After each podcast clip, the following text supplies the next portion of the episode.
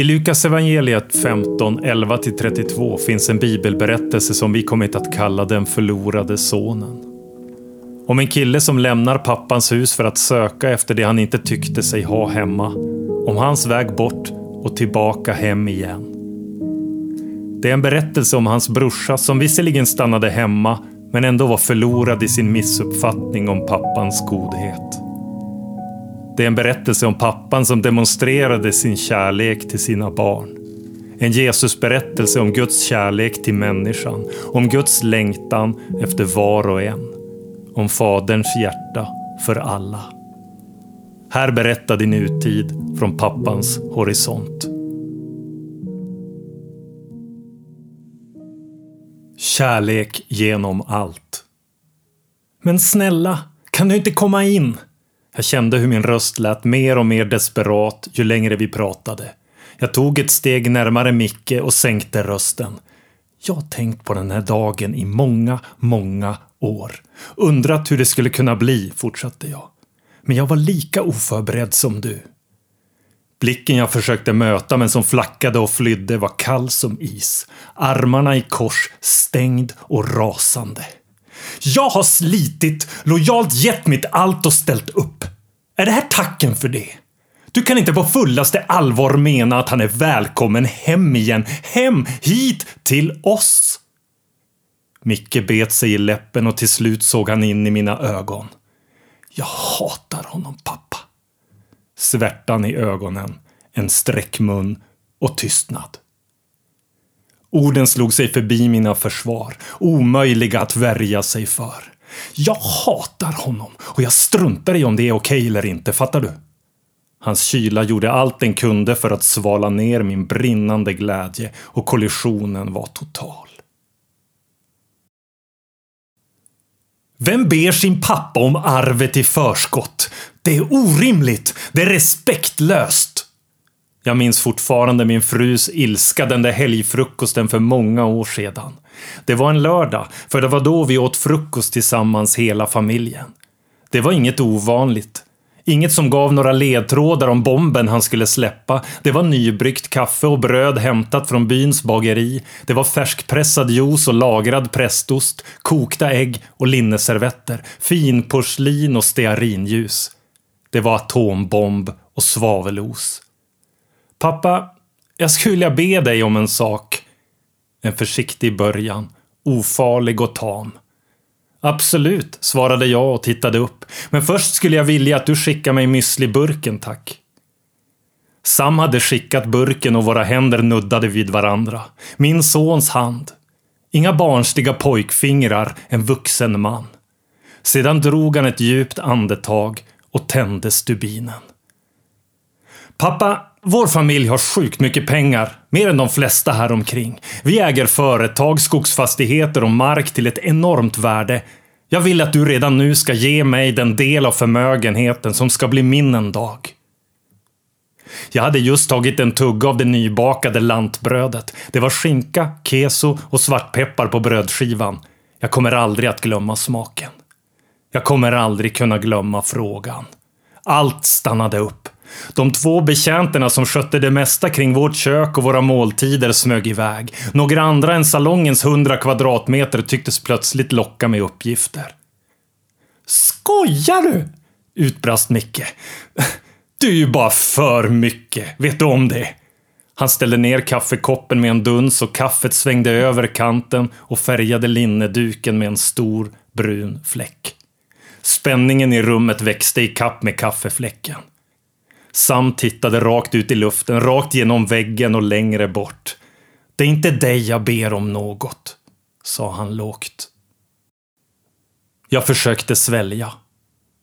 Men hur sväljer man lantbröd med skinka och keso efter en sådan begäran?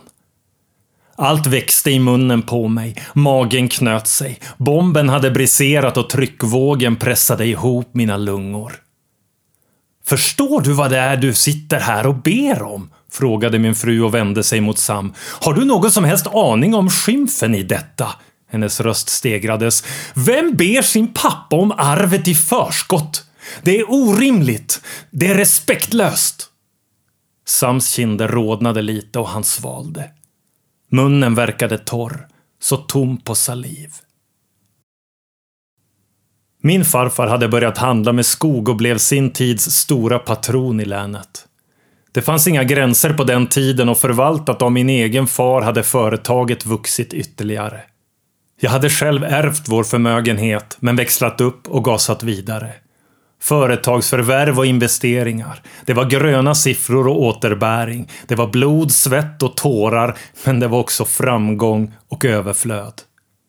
Hade mina egna föräldrar lärt mig något var det två saker. Dels en affärsmans fingertoppskänsla och dels en moders villkorslösa kärlek. Den senare hade jag i ärlighetens namn behövt få av min far, men hans generation bar en tystnad.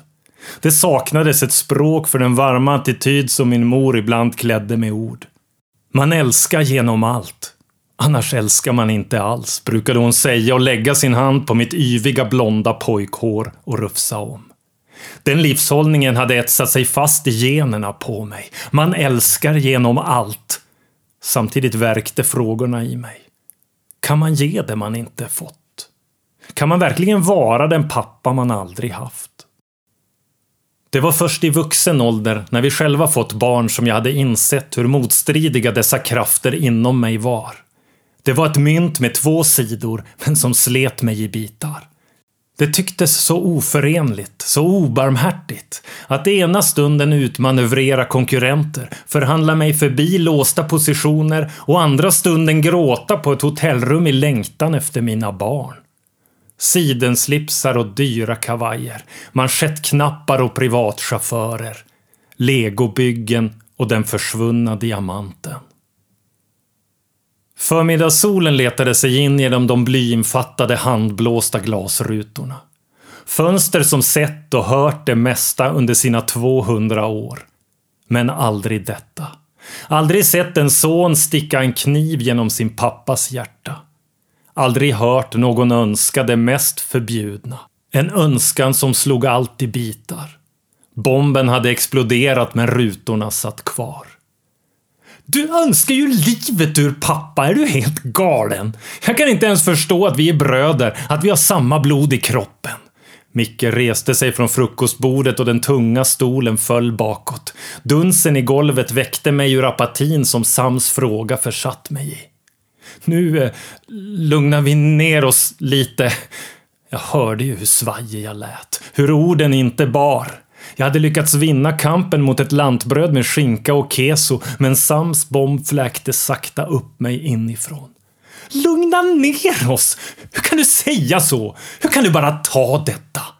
Micke slog ut med armarna och lämnade salongen. Parketten ekade under hans hårda steg, den tre meter höga dörren slogs igen. Brödrosten hostade upp två formfranskor och skar ett hål i tystnaden som låg likt en unken filt över salongen. Men ingen ville ha rostat bröd längre. Ingen ville ha något överhuvudtaget. Förutom en som ville ha allt. Ett par veckor senare hade jag samlat min familj i mitt arbetsrum. De tunga ekmöblerna kändes dystrare än någonsin. Till och med den stora handknutna persiska mattan i mitten av rummet kändes ledsen. Jag hade försökt att skriva under dokumenten med min affärsmässiga signatur. Dokumenten som gav min son hans del av allt vi ägde. Men halvvägs in i efternamnet hade jag tappat reservoarpennan. En svart droppe bläck hade pulserat ut och mina händer skakat. Vår familjs lantligt belägna gård hade alltid varit ett fort. En fristad från storstaden. Ett eget universum i den stora världen. Nu var det ett rike i spillror. Allt var absurt. Min fru stod vid min sida bakom det höga skrivbordet. Hon hade en näsduk i näven upptryckt i ansiktet. Rinnande mascara, kvävda snyftningar. Micke hade i protest ställt sig vid fönstret och tittade planlöst ut över en av alla oräkneliga hektar mark som var vår. Han stod helt tyst, men i en attityd som trampade varje del av sin bror under sina fötter. Förakt lika tyst som avrättande. Med nöd och näppe hade jag lyckats skriva färdigt och en av familjens advokater hade tagit dokumentet och granskat allt en sista gång för att sedan stoppa ner det i sin portfölj. Han förklarade och instruerade, berättade vad som väntade. Jag hade nickat och hummat, men inte hört ett enda ord. Sam stod med händerna längs sidorna. Inte avslappnad, men inte heller uppsträckt eller nervös. Jag sökte hans blick. Men han var inte där längre. Han var på väg. Han hade lämnat. Han hade tagit sin del och gått långt före en exploderande frukostbomb och underskrivna dokument. Det fanns mycket som skulle ta tid att fördela när egendomen nu skiftades. Att dela på aktieposter, fonder och värderade affärsandelar är en sak. Men att klyva sitt eget hjärta och se det sätta sig i en Aston Martin för att köra iväg är något annat. Orden jag knappt stavat på innan kändes obekväma men ärliga. Jag älskar dig genom allt. Min röst brast och jag kände för en sekund min egen mors varma hand på mitt flintskalliga huvud. Bildörren slogs igen och motorn började spinna på den taklösa sportbilen. Och jag ville så gärna få se min sons ansikte, födelsemärket på kinden, hans djupblå ögon, men allt var gömt bakom ett par exklusiva solglasögon. Jag stod kvar och tittade efter honom när bilen vänt och tagit fart ut genom vår pompösa grind. Ekarna i allén upp mot vårt stora hus bredde ut sina tunga kronor över vägen. Bilens bakdel gömdes av upprivet damm. Molnet flöt sakta ihop med trädkronorna. Tystnad. Tomhet. Min fru stod ett par meter bakom mig i en beige kofta med armarna runt sig själv. Tystnad. Tomhet. Hon släpade sina fötter genom gruset och lutade sin panna mot min rygg. Tystnad, tomhet, avgrundsvrål och ångest. Vintrar kom och gick. Somrar och semestrar likaså. Otaliga lördagsfrukostar med en tom stol vid det ovala bordet. Snittblommor i pråliga vaser, silverskedar och serviser. Lantbröd och müsliburken. Halva skratt, krampaktiga samtalsämnen och svåra försök att minnas saker vår familj gjort tidigare. Problemet var att vi nu tvingades försöka klippa bort Sam ur alla minnen och upplevelser. Det blev för smärtsamt. Det blev för vansinnigt. Det blev för tomt. Att minnas men ändå inte äga. Att leva men sakna så outtömligt. Rykten och rabalder. Det verkar alltid finnas samma tacksamma måltavlor för skitsnack och skvaller i de framgångsrika. Jag hade själv suttit i punschverandor eller i vipploger och tuggat munnen full av rykten och förfärligheter. Har ni hört att Wahlbergs ska skiljas? Vet ni hur mycket sågbolaget förlorade under första kvartalet? Ah, jag hörde att Bengt och Ingas dotter är med barn. Igen. Det hade varit de andra. De andras liv och fasligheter. Men så hade det blivit mina egna. Ingen sa något rakt ut, men det blev tyst i rum jag gick in i. Min frus sociala nätverk förblödde av mörka ord om Sam. Ingen frågade något, men alla tycktes veta saker om honom. Den ena mer makaber än den andra. Finanskrisen för ett antal år sedan hade tagit strypgrepp om hela vårt land och de med för lite syre i likviditetslungorna hade kvävts. Konkurser och nedskärningar tävlade om utrymmet i media. Pengar gick upp i rök, livsströmmar krossades. Förändringar. Själva hörde vi inget från Sam. Annat än de brottstycken som de vidriga ryktena läckte ut. Det handlade om extrema droger och överklasspartyn. En livsstil så främmande för den Sam jag fostrat. Den Sam som brukade fråga hur man egentligen ska slå en forehand i tennis. Eller som i barnslig naivitet undrat varför barkborren är så farlig för oss skogsägare. Men det blev värre. När listan över kvinnorna som skulle ha setts i hans trappuppgång blev allt längre blev det för mycket för min fru. Skam, skuld avsmak. Folk på vår societetsnivå är tacksamma att fota och posta i sociala medier och även kvällstidningar tackar och tar emot när rikemanssöner tas med byxorna nere tillsammans med en prostituerad i en Aston Martin. Micke blev mer och mer en gåta för mig. Han hade genom åren omvandlat sin besvikelse och avsky över Sam till engagemang i vårt företag. Han hade alltid varit lojal och trogen men Sams uppbrott förändrade honom på djupet. Minutiös och handlingskraftig, en stolthet och ryggrad alla beundrade. Driven och nytänkande, kreativ och kapabel till omöjligheter. Han kunde gå genom eld, han och hans klanderfria stärkta skjortkragar. Hand i hand med framgången kom kraven på andra. Mickes obarmhärtiga ord till allt och alla som inte levererade, till alla som vek undan. Han upparbetade ett sätt att se på andra som obehagligt nog kuvade och skrämde. Piskande och uppfordrande drev han alla underhuggare med samma kortfattade mantra. Är det allt du går för? Ytterligare somrar kom och vintrar gick.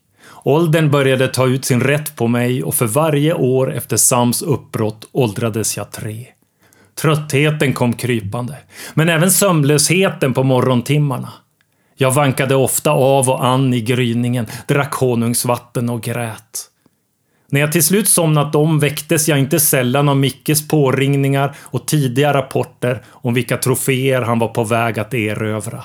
Rösten var stor och spänstig, men luften i orden tom.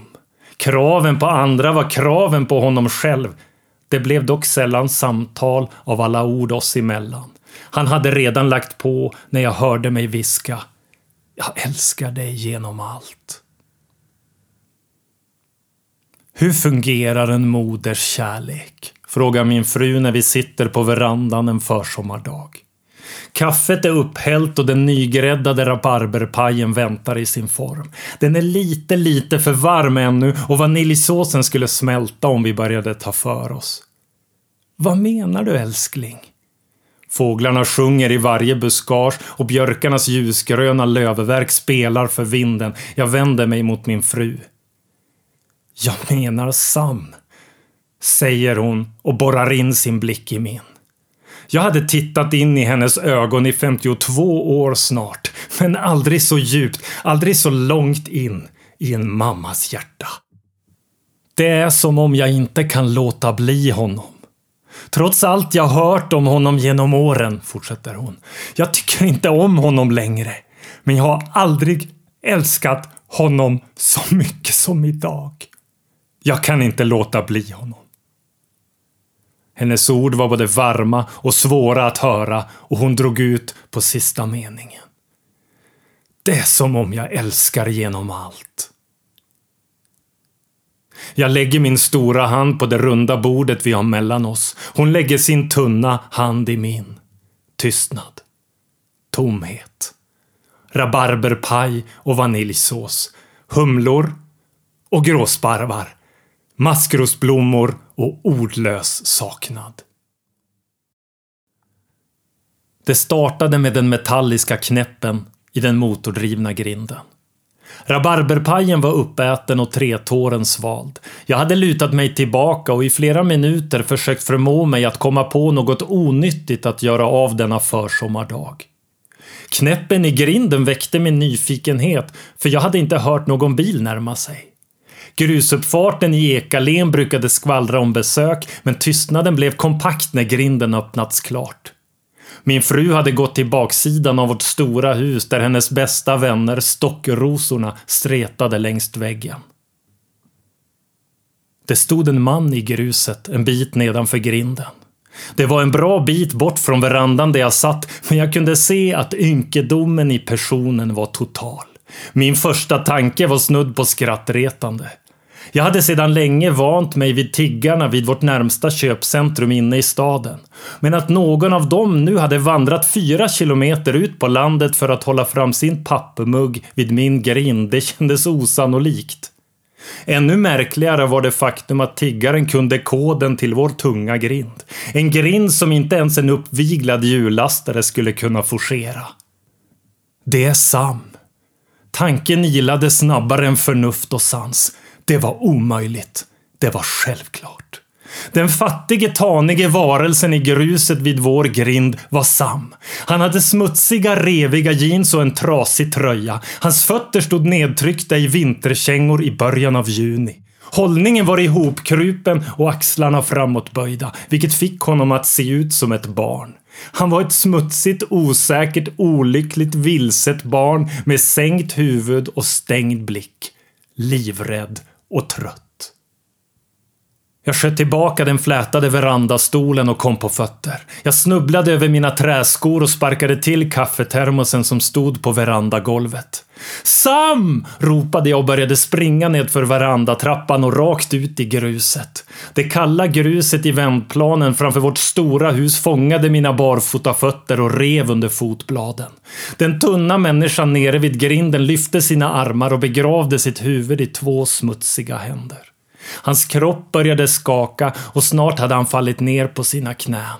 Mina trötta leder och ömma knän skrek. Mitt hjärta skrek högre. Jag sprang och sprang och sprang. Jag slet tag i trasan som hulkade i gruset, tog upp honom från marken och drog in honom i mina armar.